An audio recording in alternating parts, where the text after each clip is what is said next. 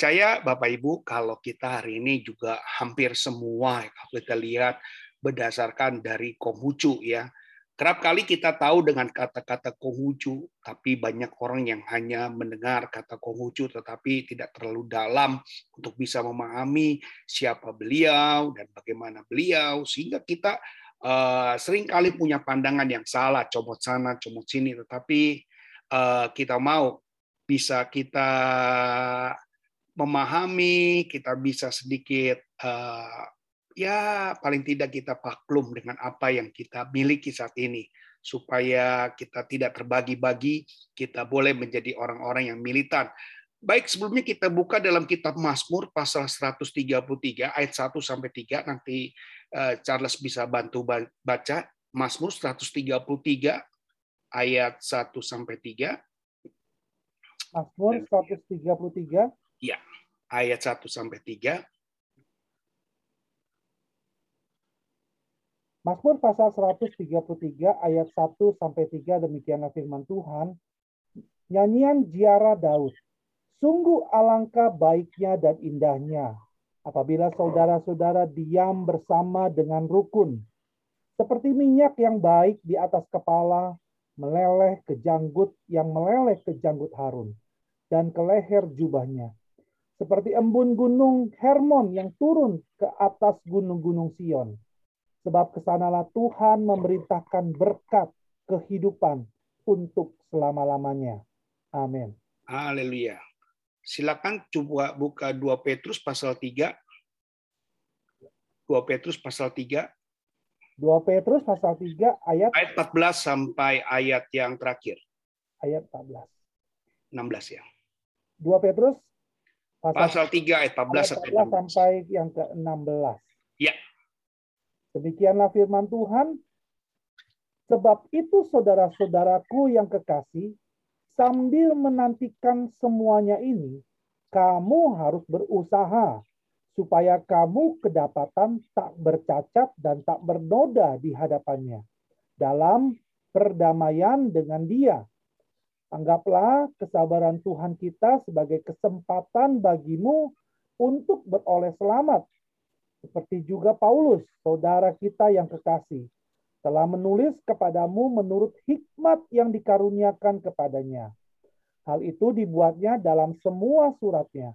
Apabila ia berbicara tentang perkara-perkara ini, dalam surat-suratnya itu ada hal-hal yang sukar difahami. Sehingga orang-orang yang tidak memahaminya. Sehingga orang-orang yang tidak memahaminya dan yang tidak teguh imannya memutarbalikannya menjadi kebinasaan mereka sendiri. Sama seperti yang juga mereka buat dengan tulisan-tulisan yang lain. Haleluya, haleluya. Ya, kita tahu bahwa inilah yang saya boleh tampilkan supaya Bapak Ibu bisa punya pandangan ya, kita punya satu uh, pola pikir kalau saya pikir supaya apa kita bisa membahas hari ini bukan mencari titik lemah, bukan kita menjelek-jelekan. Ya, saya paling tidak suka untuk menjelek-jelekan karena dari dulu apabila ada yang menjelek-jelekan justru saya tolak langsung ya karena buat saya kita tidak punya hak, kita tidak punya porsi untuk menjelek-jelekan agama lain. Coba dibantu ayat 17 sampai 18-nya, Pak Charles ayat 17 dan 18-nya. Ini akan menarik sekali. Bentar. Ya, masih sama. Pasal 3 ayat 17 18. Tetapi kamu, saudara-saudaraku yang kekasih, kamu telah mengetahui hal ini sebelumnya. Karena itu waspadalah supaya kamu jangan terseret ke dalam kesesatan orang-orang yang tak mengenal hukum dan jangan kehilangan peganganmu yang teguh.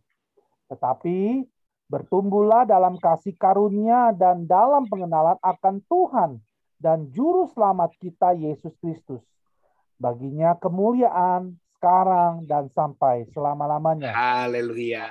Wah, ini yang harus saya pertahankan. Kita biar bicara ya mungkin Bapak Ibu bingung kok Bagem hari ini tumben bicara tentang Konghucu. Ya, tapi memang ini adalah satu hal yang sangat menarik. Lalu apalagi ini berdekatan sekali buat besok kita akan Imlek ya, tanggal hari Selasa, tanggal 1 pas ya. Ini adalah sesuatu yang kadang-kadang kita harus pahami. Kenapa? Bagaimana? Nah, inilah yang mulai saya buka supaya kita bisa sedikit memahami apologetika pembelaan Konghucu adalah ilmu sistematis yang mempertahankan dan menjelaskan iman dan kepercayaan kepada Konghucu. Jadi kalau Bapak Ibu hari ini percaya kepada tentang Konghucu dulu ataupun keluarga kita yang masih percaya, ini adalah bicara tentang iman dan kepercayaan. Jadi mereka punya sistematis ya yang biasa mereka gunakan untuk sebagai sebuah pembelaan. Nah, ini yang lebih jelasnya lagi kita lihat. Konghucu bukanlah sebuah agama. Nah, ini yang paling menarik. Ya, kita kenal Konghucu ini sebagai Kongzi atau Kongfusi ya dia bukan sebuah agama, tapi ini bicara tentang ahli pikir falsafah yang terkenal. Jadi Konghucu ini dia bukan sebuah agama, tapi sebuah filsafat. Ya, dia adalah juga seorang ahli pikir dan falsafah yang terkenal. Dan dia dikenal dengan ajarannya yang disebut sering kali kita mendengar kata Konfusionisme yang sering dipakai dalam kenegaraan-kenegaraan ya dalam bahasanya kita lihat Konfusius ya tidak membicarakan ketuhanan. Jadi kalau kita mau bicara tentang Konghucu, Konghucu itu nggak pernah berbicara tentang ketuhanan, alam akhirat, dan metafisika. Jadi ketiga hal ini jujur tidak pernah dibicarakan oleh Konfusius. Nah, ia adalah filsuf sekuler yang banyak membahas moral pikir, moral politik, dan pribadi, serta tingkah laku. Empat hal ini selalu dibawa ke mana-mana oleh Konfusius tentang moral pikir, tentang moral politik, dan pribadi serta tingkah laku. Konghucu lahir tahun 551 sebelum Masehi di negara Lu ya atau di tepatnya di kota Sandong, Cina. Dalam usia tiga tahun ayahnya meninggal. Sejak beranjak dewasa, ia menjadi seorang pegawai negeri dan setelah dia ber, ber, ber apa berkecimpung sebagai pegawai negeri, lalu dia mengundurkan diri dan Konghucu akhirnya berubah dan beralih menjadi seorang guru.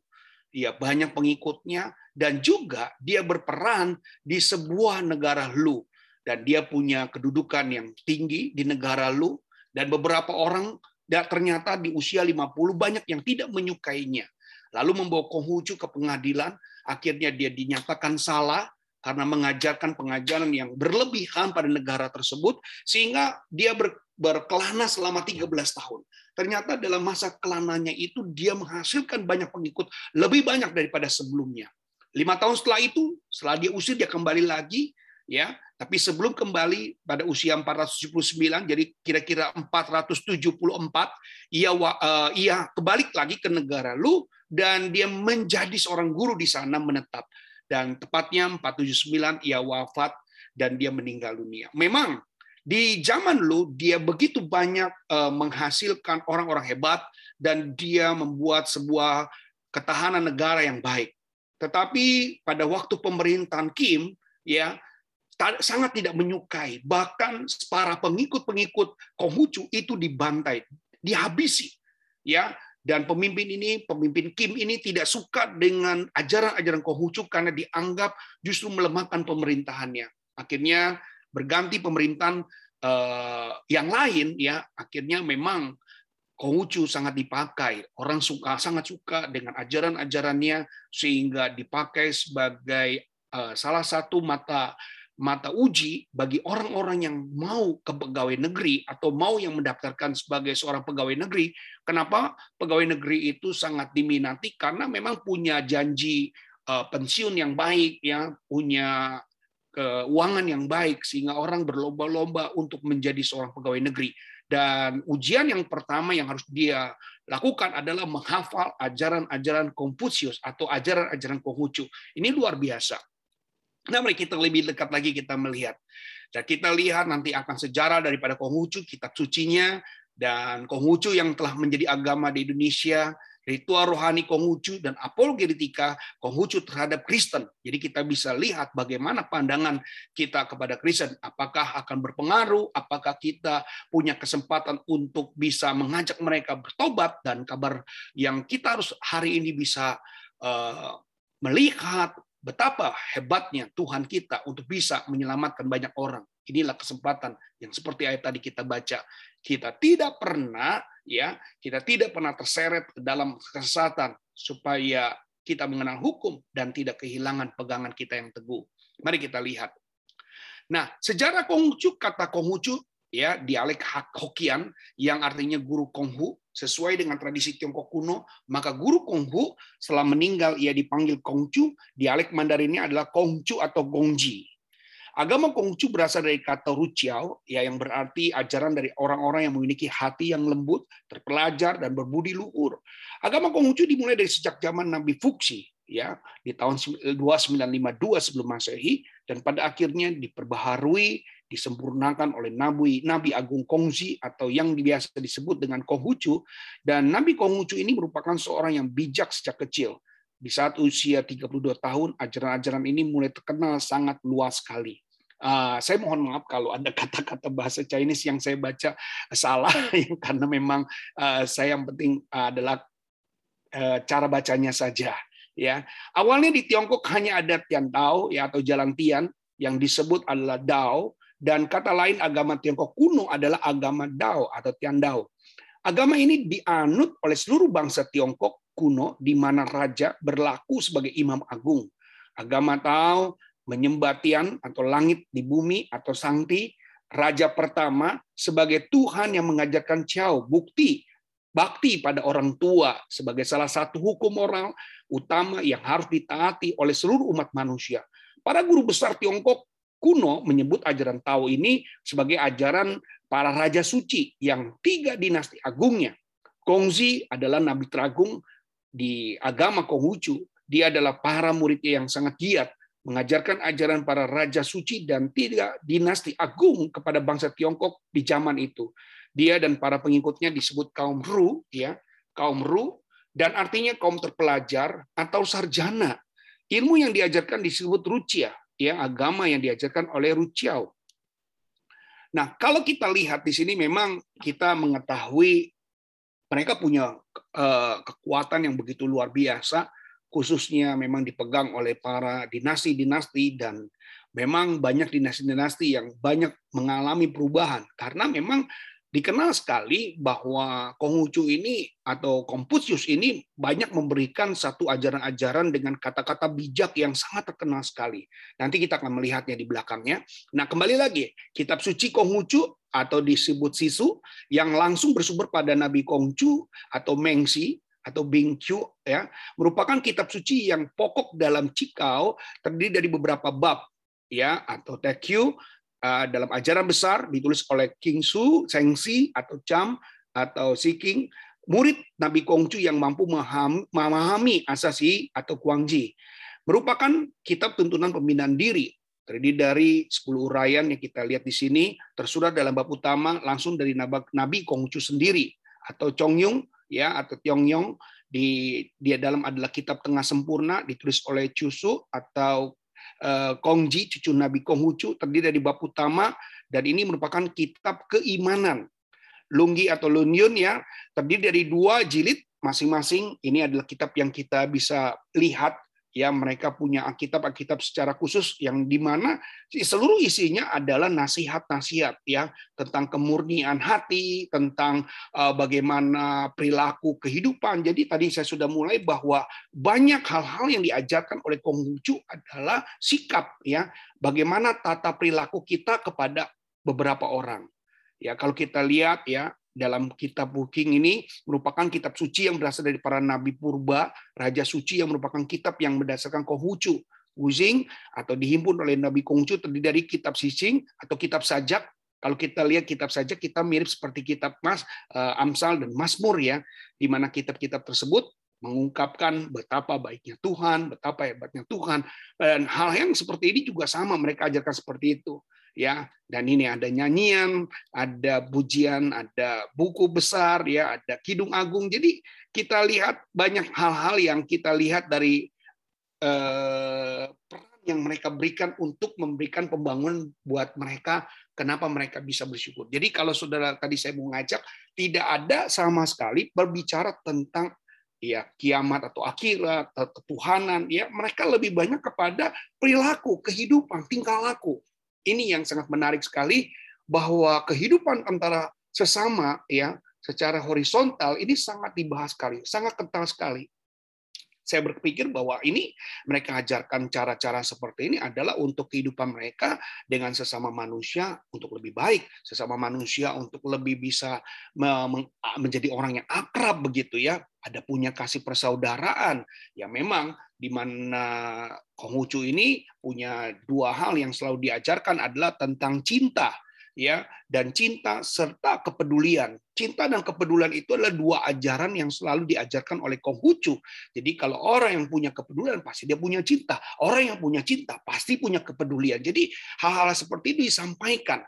Nah, kalau kita lihat dalam kitab-kitab sucinya, ya ini tadi yang sama yang kita bisa bahas bagaimana kitab ini merupakan kitab-kitab yang memang mengajarkan bagaimana kita bisa menjadi seorang yang dikenal dan menjadi orang yang baik. Nah, ini kitab hikayat ya. Ini juga sama beberapa bab-bab yang saya hanya melengkapi supaya Bapak Ibu mungkin ada yang sempat tahu supaya saya tidak mengambil hanya sedikit tetapi saya melengkapinya saja supaya Bapak Ibu bisa memahami. Ada beberapa bab-bab yang mereka memang buat secara uh, menyeluruh karena ini dipakai ya yang menjadi keunikan adalah Konghucu ini akhirnya dipakai oleh beberapa dinasti. Sempat tiga dinasti besar mereka mempertahankan ajaran Konghucu ini adalah ada di dalam negerinya. Walaupun akhirnya memang sempat uh, kacau balau ya, ada yang namanya kehancuran pasti ya, ada orang-orang yang tidak suka, ada orang-orang dan itu mereka juga mengalami hal yang sama mereka alami. Nah, kitab suci Konghucu ini yang tadi saya sudah katakan mendasari dihimpun oleh para, para nabi yang memang sudah mendapatkan satu uh, utusan. Nah, ini kalau mereka lebih banyak kepada utusan. Mereka punya wahyu yang bicara tentang ya kembali lagi pada kehidupan kita bagaimana kita bisa menghargai, bagaimana kita bisa menjadi seorang yang dikenang, bagaimana kita punya sesuatu yang eh, berguna, berfungsi. Jadi kehidupan mereka memang punya sebuah keunikan yang sangat menarik sekali buat kita. Yang memang mereka ini punya sesuatu yang lebih banyak falsafah-falsafah yang disukai oleh banyak orang, bagaimana kita bisa memberi, bagaimana kita melakukan kebaikan, jangan melakukan apa yang tidak kita suka, jangan melakukan apa yang terpaksa. Jadi sebenarnya kutipan-kutipan itu mirip kalau kita lihat dengan apa yang ada dalam firman Tuhan Alkitab ya. Dan itu dilakukan. Jadi kalau saudara ada banyak kata-kata Konfusius itu memang ada kemirip-miripan apa yang disampaikannya dengan firman Tuhan. Nah, ya kita tahu bahwa segala sesuatu kalau dia hanya bicara tentang tata perilaku, tingkah laku ya atau juga tentang kehidupan suami istri, itu sangat banyak dibahas oleh seorang Konghucu ini. Nah, tadi kita katakan, jadi sudah lihat di mana pemerintahan-pemerintahan itu bicara tentang kesusilaan, ya peribadatan. Kenapa ini dibahas? Memang, saudara, kecenderungan-kecenderungan yang terjadi dari seorang eh, raja-raja di Cina, yaitu kebiasaannya adalah memelihara istri. Jadi jangan heran kenapa dinasti-dinasti itu eh, ada yang tidak suka dengan ajaran-ajaran daripada Konghucu karena memang dia membatasi supaya orang yang punya cinta itu tidak menjadi cinta yang amburadul atau cinta yang berkelebihan sehingga dia bisa memiliki banyak wanita. Memang raja-raja Cina itu kalau punya istri tidak cukup satu, saudara ya. Eh, raja-raja Cina itu kalau punya istri gundik itu bisa puluhan, ya, dan dia bisa uh, punya banyak istri di mana pun dia suka, dia bisa mengambil istri dari mana saja. Dan ini mungkin bertentangan sekali dengan apa yang disampaikan oleh Confucius, ya, karena banyak membicara tentang kesusilaan. Nah, ini yang saya lihat di sini. Himpunan tulisan yang mengandung nilai agamis atau moral dasar kaumnya sekaligus sebagai terapan dan penafsiran dari dua kitab yang merupakan kumpulan tulisan yang berasal dari Nabi Kongzi. Nah, inilah yang kita memang kita lihat banyak hal yang menarik sekali bahwa memang dia menerobos sekali dengan kebiasaan-kebiasaan orang Cina, kebiasaan-kebiasaan dinasti Cina yaitu mereka sering kali yang ada adalah perang ya gila kekuasaan, ya menyerang dan menyerbu, ya sakit hati. Jadi kalau kita suka nonton film film-film Mandarin, kan kita bisa lihat apa yang ada kecurigaan, ketakutan, ya kemudian tidak suka membunuh, merancang kejahatan, dan ini waktu Konghucu masuk ya, ajaran-ajaran yang masuk itu semua mulai tereliminasi. Dan mereka yang tidak suka pasti uh, mereka mengambil keputusan untuk menghabisi ya, bahkan juga mereka ingin uh, mengurangi para pengikut-pengikut yang ada pada zaman itu. Jadi inilah yang kita bisa kenali ya. Ini pelajaran-pelajaran yang mereka punya tafsiran bagaimana dia punya uh, kebiasaan untuk bisa mengenal. Nah ini kalau saya katakan tadi bahwa banyak memang isi daripada firman ataupun Alkitab ataupun kitab yang dipegang oleh orang Konghucu ya lagi-lagi saya katakan mereka tidak banyak membicarakan tentang akhir kehidupan manusia nanti seperti apa ya kemudian hasil nanti mereka hari penciptaan seperti apa. Ini tidak banyak. Karena memang dia bukan sebuah agama ya agama ini kan dalam bahasa Sanskerta dikata a itu tidak, agama itu kacau. Jadi orang yang punya agama adalah supaya orang itu tidak kacau. Tapi di sini Konghucu tidak mengajarkan agama. Dia mengajarkan tentang falsafah. Jadi kalau falsafah ini adalah tabiat kehidupan ya. Jadi kalau kita lihat tadi tidak ada sama sekali di antara buku-bukunya ini ya itu membicarakan tentang ketuhanan. Jadi kalau saya lihat, kalau saya perhatikan jadi saudara bisa memahaminya. Nah, lalu Konghucu menjadi agama resmi di Indonesia. Nah, ini yang sangat menarik sekali dari Pak Yusril Mahendra ya sempat pada saat itu memberitakan memberitahukan bahwa agama Konghucu dijadikan sebagai sebuah agama. Memang perdebatan sekali, saya cukup lama sekali uh, melihat bahwa agama agama yang tidak bisa diterima adalah Konghucu. Sehingga kalau mau merayakan itu sembunyi-sembunyi ya. Tapi sejak tahun 2016 ini ada berita gembira bahwa pemerintah mencabut keputusan yang waktu di zaman mungkin Pak Soeharto untuk agama Konghucu ini tidak diakui, tetapi di tahun 2016 ya ajaran ini diakui dan diterima lewat Gus Dur ya dan lewat Yusril Mahendra sebagai seorang menterinya mengambil keputusan bahwa agama Konghucu ditetapkan menjadi enam agama resmi yang ada di Indonesia karena di antara mereka sudah ada 117.091 orang. Nah, saudara-saudara, memang ajaran Konghucu ini lama kelamaan ya habis. Jujur di Indonesia saat ini Konghucu ini sudah sudah mulai menipis. Ke mana larinya? Nah ini yang sangat menarik. Kalau saudara ada berita gembira, mereka larinya adalah ke agama Katolik, saudara. Jadi kalau tidak heran kenapa mereka lari ke Katolik, karena Katolik ada beberapa hal yang dapat diterima begitu. Kebiasaan Konghucu misalnya dengan membakar dupa ya, membakar menyan, ya kemudian menyembah, kemudian memakai baju eh, kematian ya. Biasanya orang kalau ada yang namanya hari-hari penting di dalam eh, tradisi-tradisi Cina dan Katolik tidak pernah memberikan sebuah larangan berbeda sekali dengan Kristen, apalagi Kristen karismatik yang sangat tidak menolerir. Ya kalau saya katakan Kristen karismatik ini tidak menolerir artinya membiarkan. Ya katakan iya tidak katakan tidak. Tapi kalau Katolik ini memudahkan mereka. Jadi banyak orang-orang yang kohucu ini samar-samar saudara. Jadi perlahan-lahan eh, jumlah dari para pengikut kohucu ini sangat sedikit. Mereka mungkin bisa melakukan kegiatan-kegiatan tradisinya, tapi mereka tidak memeluk agama itu. Nah ini yang sudah pahami ya. Jadi perayaan-perayaannya, hari-harinya mereka ikuti.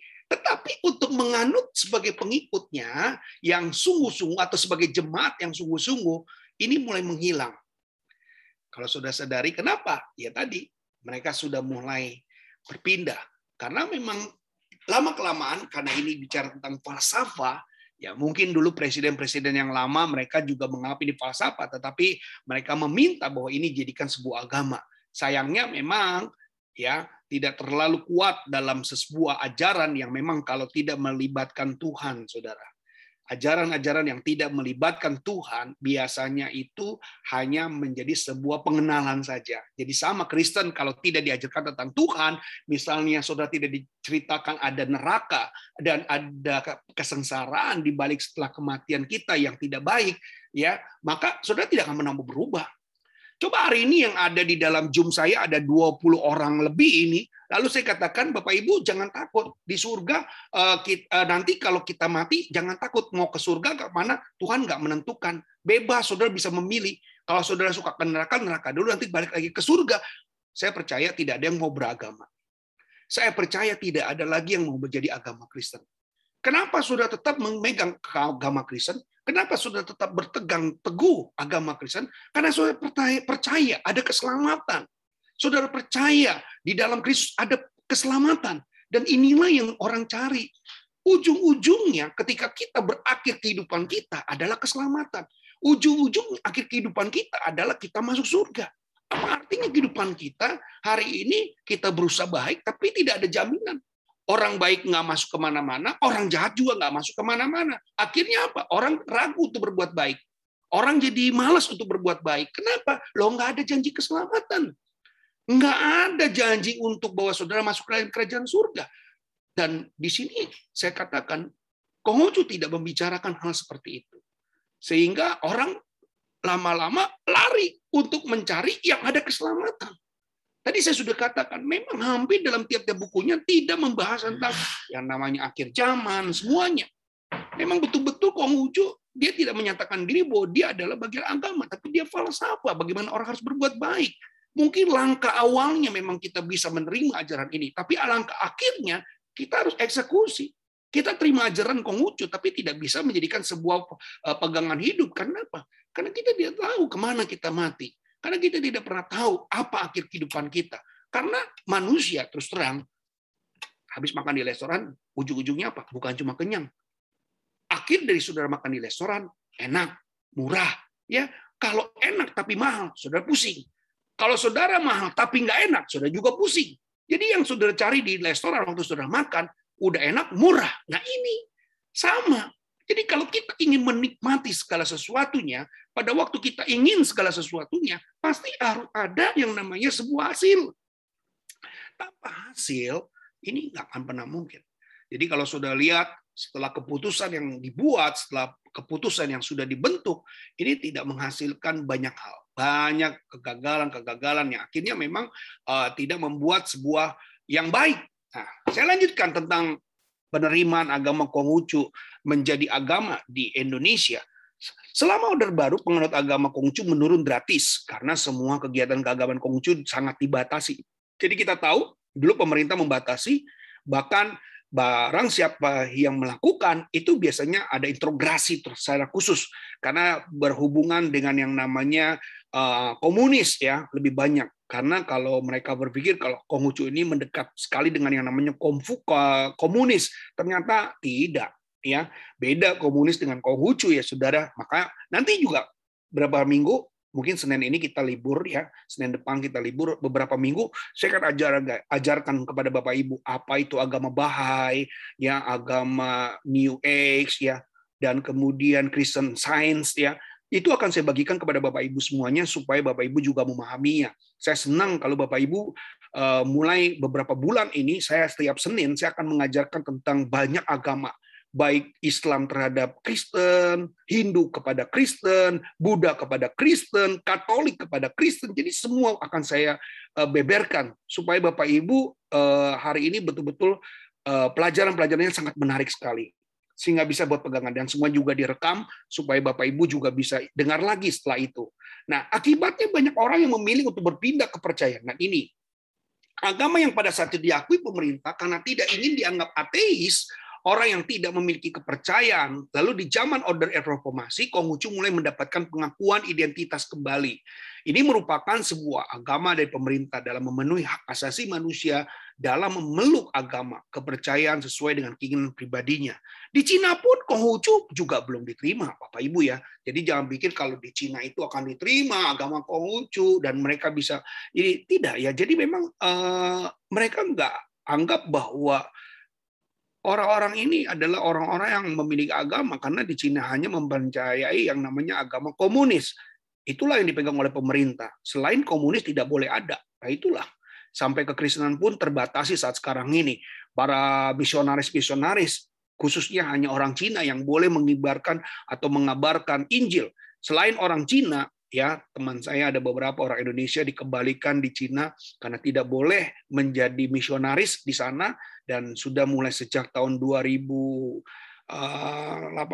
2017 mereka sudah disuruh harus keluar dari negeri Cina kalau memang hanya ingin memberitakan Injil. Jadi banyak orang yang sudah punya rumah di sana harus meninggalkannya karena memang tidak bisa mereka menetap lama-lama. Kalau menentang berarti bagian mereka masuk penjara, ya. Nah, pada akhir 2007 dikeluarkan peraturan pemerintah nomor 55 tahun 2017 tentang pendidikan agama yang diterbikan sehingga agama Konghucu mendapatkan tempat bidang pendidikan.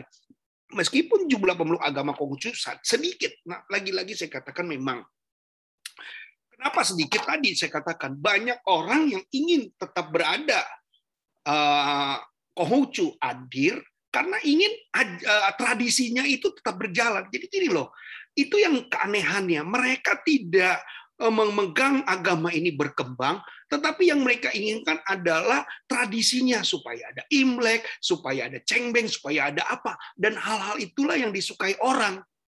Biarpun dia Kristen juga dia masih menyukai, tapi mereka tidak mau beragama Konghucu, sehingga ya ini mereka hanya menyukai uh, kalau orang tuh apa ya kalau di perumahan itu ada namanya fasilitas. Mereka hanya menggunakan fasilitas-fasilitas kegiatan keagamaan mereka, hari raya keagamaan mereka, tapi mereka tidak menuntut agama itu untuk berkembang.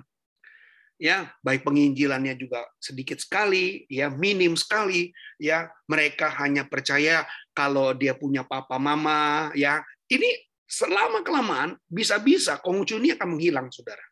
Kenapa? Karena banyak orang yang sudah habis masa-masanya akan habis. Dan keturunan mereka misalnya mereka Konghucu nih, tiba-tiba jadi Kristen. Dan itu tidak lagi yang melanjuti. Hari-hari ini udah banyak orang yang tidak mau lagi menyimpan abu orang tuanya. Mereka rata-rata abunya lalu dibuang. Abunya dibakar tapi dibuang. Mereka tidak mau menyimpan meja abu lagi. Sepertinya mereka sudah masuk kepada zaman modern. Apalagi generasi Z, saudara. Generasi Z ini tidak lagi mau dibodoh-bodohi dengan kegiatan-kegiatan keagamaan yang modelnya memelihara abu lah, membakar abdupa lah, dan pakai hio lah. Itu semuanya sudah mulai ditinggalkan. Kristen yang begitu gampang juga bisa ditinggalkan, apalagi Konghucu. Jadi ajaran-ajaran ini tadi saya katakan mereka hanya ingin menikmati hari tradisinya. Setuju atau tidak setuju? Ya, sepertinya kalau hari ini saudara dapat uang angpau, itu yang paling suka. Tapi apakah ingin menjadi penganut atau orang yang ikut agama Konghucu? Enggak. Yang saudara suka adalah angpaunya, isi daripada angpaunya itu. Ya, walaupun isi angpau suratnya itu dikasih dalamnya adalah ayat firman Tuhan. Senang banget, saudara. Yang penting dalam bentuk angpau. Dan saya yakin saudara-saudara mungkin mulai memahami apa yang saya sampaikan. Jadi hari-hari ini agama Konghucu itu kenapa dikatakan sedikit dan tidak terlalu banyak pengikut-pengikutnya karena tadi saya katakan banyak orang yang hanya ingin sebagai followers gitu. Ya, hanya ingin jadi followers. Mereka hanya ingin mau menikmati kegiatan-kegiatan keagamaan mereka. Kegiatan-kegiatan keagamaan mereka mereka suka banget karena ada ini, ada itu, makan ini, makan itu, termasuk onde, walaupun nggak jadi orang Konghucu, tapi bikin onde, ya katanya makan onde itu sesuai umur. Jadi kalau umurnya 15, ya makan 15 biji. Ya, saya kasihan dengan Ibu Liswatnyo, kalau umurnya sudah mulai 70, makan 70, wah saya nggak yakin ya sudah bisa makannya. Ya, katanya kalau mau makannya harus sesuai dengan usia. Wah, repot sekali. Dan inilah adalah tradisi-tradisi yang sedemikian, saudara.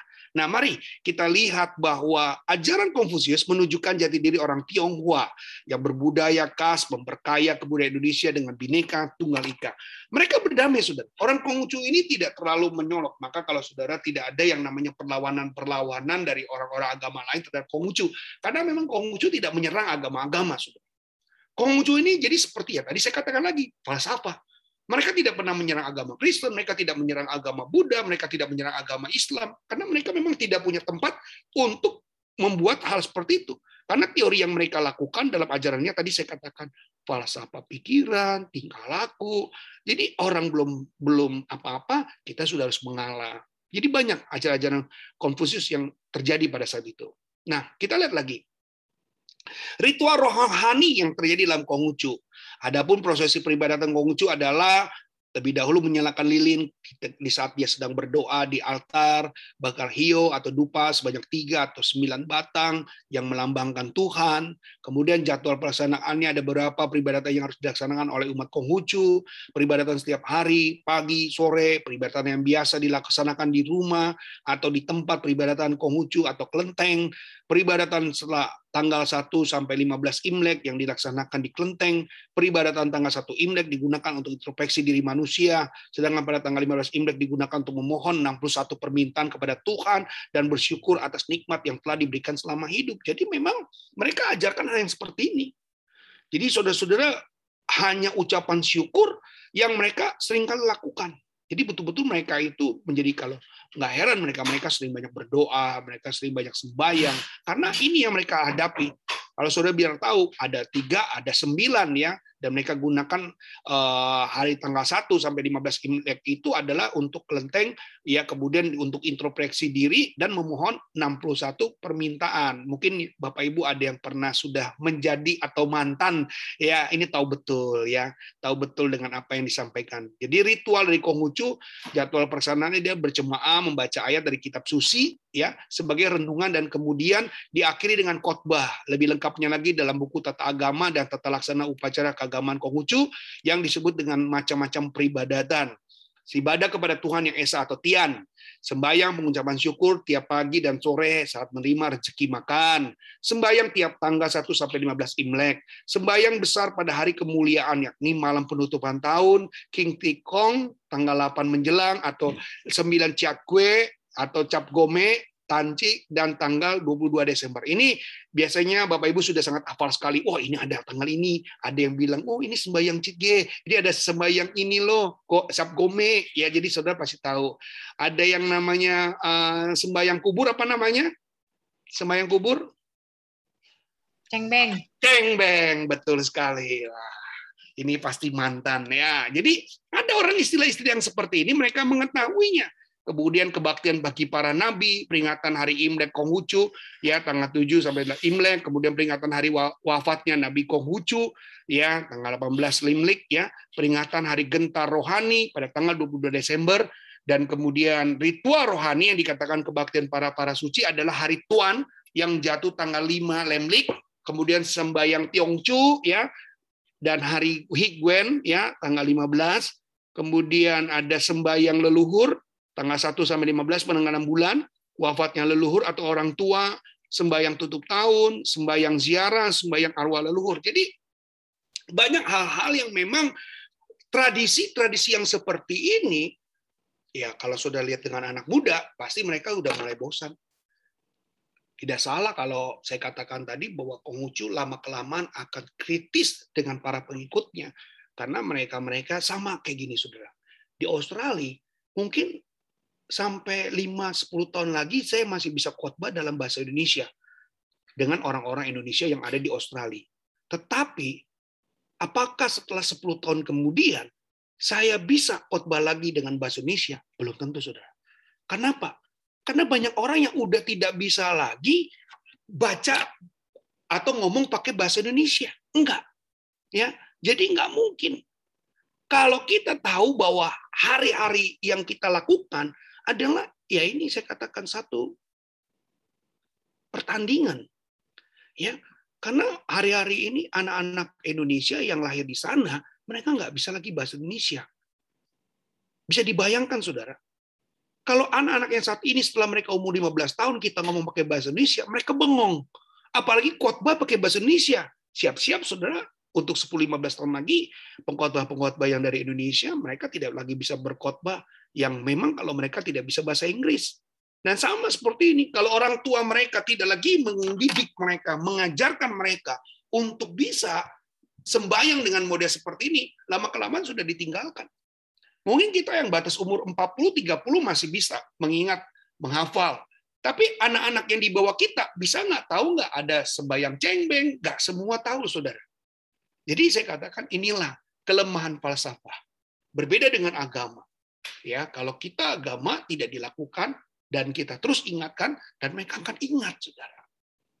Jadi kalau mereka ya boleh ingat, boleh tidak, boleh tahu, boleh tidak dan tradisi mereka mungkin hanya perkampungan-perkampungan kecil yang bisa mereka masih mempertahankan dan anaknya tidak pergi ke mana-mana.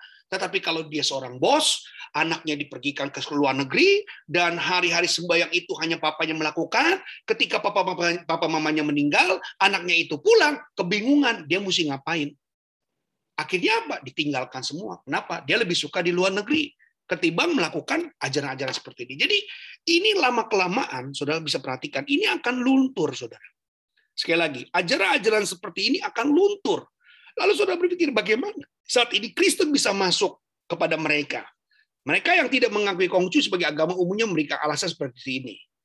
Agama Konghucu adalah produk Matakin, Majelis Tinggi Agama Konghucu yang memang memaksa pada waktu itu untuk dijadikan sebuah agama Padahal di tempat-tempat lain ini bukan sebuah agama. Jadi saudara perhatikan ya, Konghucu jadi agama itu cuma ada di Indonesia. Sedangkan di luar sana mereka memang sebagai pengikut Konghucu, bukan pengikut agama Konghucu. Karena mereka sudah punya agama, yaitu ateis. Misalnya seperti itu. Atau eh, komunis, jadi seperti itu. Sebuah organisasi yang mengatur perkembangan agama Konghucu di Indonesia. Kongsi mengaku bukan nabi, hanya meneruskan ajaran generasi sebelumnya keturunan Kongsi tidak menganut agama Konghucu. Nah, ini kan aneh, Saudara. Ya. Jadi keturunan Kongsi tidak menganut agama Konghucu tadi saya katakan. Di zaman Raja Kim itu banyak hal-hal yang dilepaskan, banyak hal-hal yang memang tidak diikuti. Jadi orang Cina sendiri yang ada itu nggak semua satu paham, Saudara. Ya, di Cina sendiri tidak satu paham yang jumlahnya hampir satu miliar orang. Apakah mereka uh, orang Konghucu semua? Tidak, saudara. Jadi mereka terbagi-bagi. Ini yang mulai kalau saya katakan banyak gampang. Orang Chinese ini kadang-kadang mereka tuh uh, hitung-hitungannya tinggi sekali ya saudara ya. Dan pola pikir mereka yang mana buat mereka itu terlalu ribet, terlalu apa biasanya mereka suka tidak pernah mau menjadi pengikut yang setia. Itulah ciri-ciri mereka ya. Dan kongsi atau hanya berbicara tentang etika tidak berbicara tentang tata ibadah. Jadi memang mereka eh, tadi saya katakan lebih banyak bicara tentang perilaku tingkah laku ya tata moral kita ya bagaimana kita bicara bagaimana kita berkata-kata bagaimana kita berpikir tentang sesama. Jadi tidak bicara tentang tata ibadah. Bagaimana? Dan kemudian yang paling luar biasa adalah kongsi tidak berbicara tentang surga dan neraka. Jadi kalau saudara memang pernah menjadi penganut atau orang yang pernah dulu dididik tentang agama Konghucu, memang saudara harus mengakui ya setelah saya menemukan tidak ada surga dan neraka yang dalam bahasan. Jadi mereka tidak menyebar tentang sebuah ketakutan. Banyak orang Kristen hari ini kenapa dia berbuat sungguh-sungguh, bertobat sungguh-sungguh karena kita tahu ada surga dan neraka. Ada hukuman kalau kita tidak melakukannya. Ada ada keuntungan kalau kita melakukannya. Jadi semuanya itu ada tabur tuai yang kita bisa lakukan. Dan inilah yang ada di dalam uh, ajaran-ajaran Konghucu terhadap uh, yang kita pegang sebagai orang Kristen. Nah, kalau kita lihat Tridharma atau Samkau dalam dialek Hokkien yang cara harafiah berbicara tentang tiga ajaran yang dimaksud adalah Konghucu, Tao, dan Buddha. Jadi kalau kita lihat Tridharma ini ada tiga bagian juga ya. Jadi ada agama Tao, agama ketuhanan, agama Buddha, dan agama Konghucu. Istilah ini muncul hanya ada di Indonesia. Jadi saudara tahu ya, jadi ini tidak ada di negara lain. Tadi saya sudah katakan. Tridharma itu mencakup tiga ajaran Sangkau, Tri Tehing, dan tiga agama Tri Religion of China, yang merupakan satu dasar atau satu doktrin karena agama yang diakui pemerintah Indonesia hanya lima, maka Tridharma dikelompokkan dalam lingkup agama Buddha. Ya, dulu memang waktu kan saya katakan tadi 2016 barulah Konghucu dianggap. 2017 PP-nya baru keluar. Jadi kita lihat bahwa secara resminya memang uh, agama Konghucu itu baru saja dimulai. Tetapi tadi saya katakan banyak yang menjadi pengikut-pengikutnya tidak terlalu uh, eksis ya kalau saya katakan para pengikutnya tadi hanya ingin acaranya saja, hanya ingin satu perayaannya saja ya. Akhirnya memang agama ini menjadi tumpang tindih dengan Buddha kebingungan yang dulu pernah jadi Buddha, mereka lakukan hal yang sama, sedangkan dalam didikan Buddha ya sama kayak orang India. Buddha ini kan dari India, tapi orang India nggak ada yang jadi agama Buddha, saudara. Ya, jadi nggak ada. Orang India itu beragama Buddha sedikit sekali. Orang India lebih banyak beragama Hindu dan Hindu di di Bali dengan Hindu yang ada di Kalimantan, Hindu yang ada di eh, Jogja itu beda juga. Hindunya loh saudara. Jadi banyak Hindu-Hindu yang memang tidak sama. Jadi mereka terbagi-bagi lagi. Jadi kalau saudara bilang, oh orang Hindu ya berarti sama dengan Bali. Belum tentu. Jadi Bali yang ada di Jogja, eh, Hindu yang ada di Jogja dengan Hindu yang ada di Bali itu beda, saudara. Dan Hindu yang ada di Bali dengan Hindu yang ada di India juga beda. Jadi saudara bingung ya, memang begitu banyak saudara. Jadi kalau kita belajar tentang agama, wah saya mulai mendalami sudah pusing banget, ih penuh banget ya. Jadi kalau saudara memang lihat itulah manusia. Agama ini buatan dari manusia sendiri, bukan buatan Tuhan ya saudara. Jadi maka kalau ada yang sering kali ribut karena agama, sepertinya kita tertawa gitu. Ya, dia bicara tentang keselamatan, dia sendiri nggak tahu apakah itu menyelamatkan atau tidak. Ya, nah kembali lagi saya bahas. Tridharma lahir karena dahsyatnya misi-misi agama Nasrani yang berorientasi pada menyedot keturunan Tionghoa ya kelenteng pada akhir abad ke-19 untuk mengkristenisasi mereka. Contohnya Weti Hai ya eh, mendirikan Samkohi ya setelah Tionghoa Kun ya gagal memelihara dan mengembangkan ajaran Konghucu, beliau menganggap Kong, Kong Konghue yang didirikan di Solo pada tahun 1918 dan kota-kota lain masyarakat kurang memberikan harapan. Nah, jadi mereka berpindah akhirnya saudara. Jadi banyak orang-orang yang gagal tidak mampu mempertahankan yang lagi-lagi saya katakan kita yang punya kemampuan. Kita yang diberi kesempatan. Mari sama-sama kita belajar, kita akui bahwa di dalam kesempatan-kesempatan kita untuk menjadi pelayan Tuhan, kita diberi kesempatan untuk menjadi orang-orang Kristen dan inilah yang harus kita ikuti. Apa yang bisa menarik daripada mereka? Apa yang membuat mereka tertarik dengan kekristenan? Karena tadi saya katakan, kehidupan kita yang mencerminkan tentang perilaku, yang mencerminkan tentang tingkah laku kita, itu sangat-sangat membuat orang lain bisa mendekat dirinya kepada Tuhan Yesus. Kenapa? Karena kehidupan kita, perbuatan baik kita, kata-kata kita, ucapan kita, perilaku kehidupan kita. Jadi betul-betul bisa dilihat oleh mereka-mereka dan mereka akhirnya tertarik dengan apa yang dimiliki oleh orang Kristen. Jadi kita tidak perlu uh, apa ya namanya ya nggak perlu marah, nggak perlu menghakimi, menjelek-jelekan agama dia, ya kemudian uh, apa membanding-bandingkan. Nah, ini kan yang sering kali uh, orang-orang itu ingin supaya mereka cepat ikut Tuhan, ya ingin cepat percaya kepada Tuhan, lalu mereka memberikan sebuah apa sebuah ketakutan. Ayo, kalau kamu masuk itu, kamu masuk neraka. Jangan, saudara. Ada banyak orang yang ikut Tuhan itu ingin melihat kehidupan kita. Nah, coba tolong bantu saya baca, Saudara Charles, 1 Yohanes 4 ayat 7 sampai 8. 1 Yohanes 4 ayat 7 sampai 8. Amin. 1 Yohanes 4 ayat 7 sampai 8. Ya, bisa ketemu? 1 Yohanes pasal 4 ayat 7 sampai yang ke-8. Ya. Demikianlah firman Tuhan, saudara-saudaraku yang kekasih, marilah kita saling mengasihi. Sebab kasih itu berasal dari Allah. Dan setiap hmm. orang yang mengasihi lahir dari Allah dan oh. mengenal Allah. Barang siapa tidak mengasihi, ia tidak mengenal Allah, sebab Allah adalah kasih. Amin. Ini ini masuk banget dengan mereka ajaran anak Konfusius. Nah, ini kita lihat. Jangan lakukan orang lain apa yang kamu tidak ingin lakukan oleh orang lain terhadapmu. Aku tidak sedih karena orang tidak mengenalku. Aku akan sedih jika aku tidak mengenal mereka. Orang yang berhati mulia pertama-tama mengamalkan apa yang dikotbahkannya dan baru kemudian mengkotbahkan apa yang diamalkannya. Bila engkau melihat ke dalam hatimu dan tidak ada yang salah, apakah yang harus digelisahkan dan apakah yang harus ditakutkan?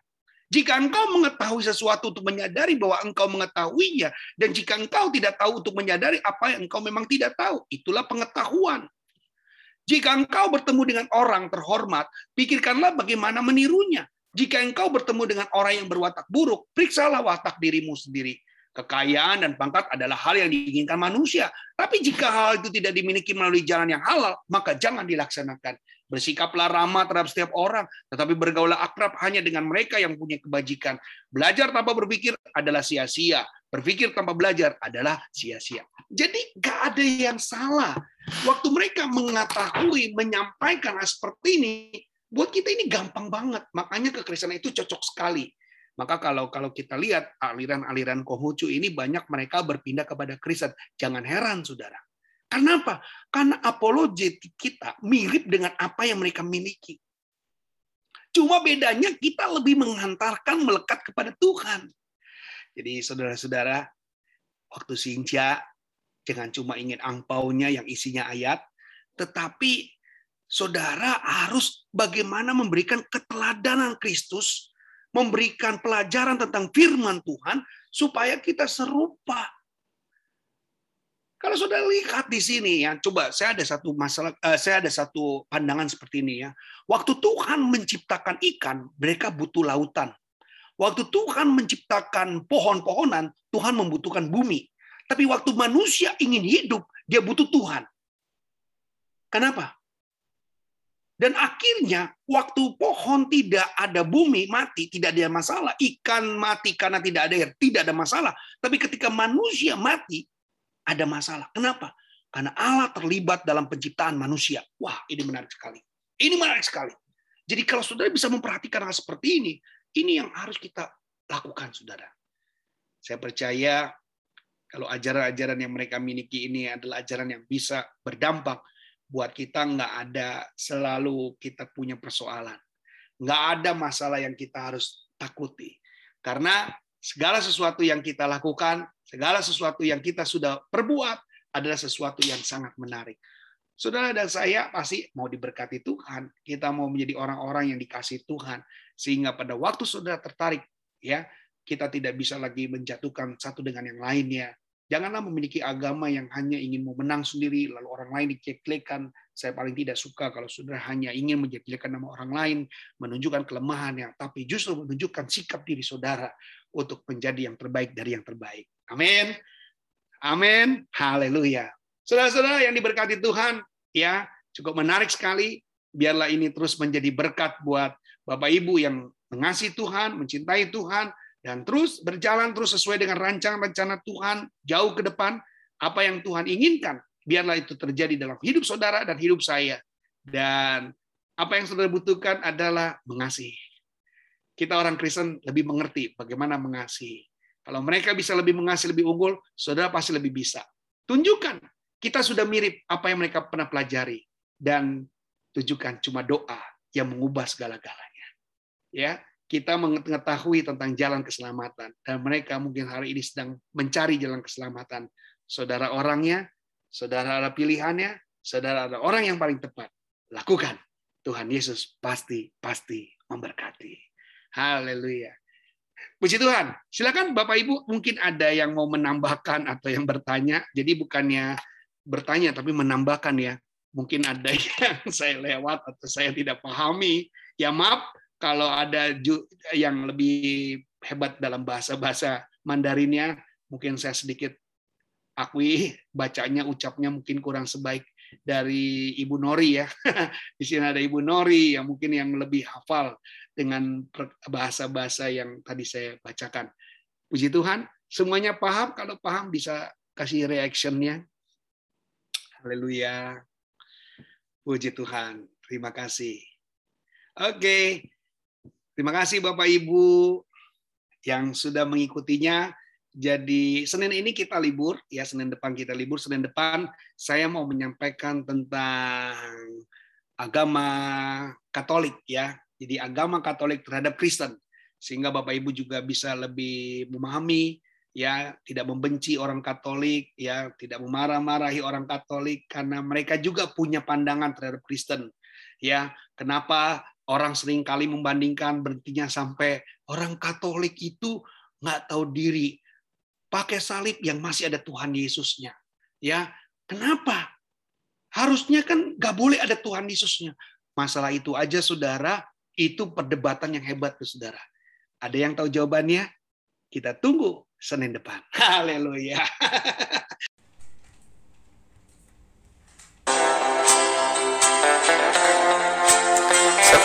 esok hari.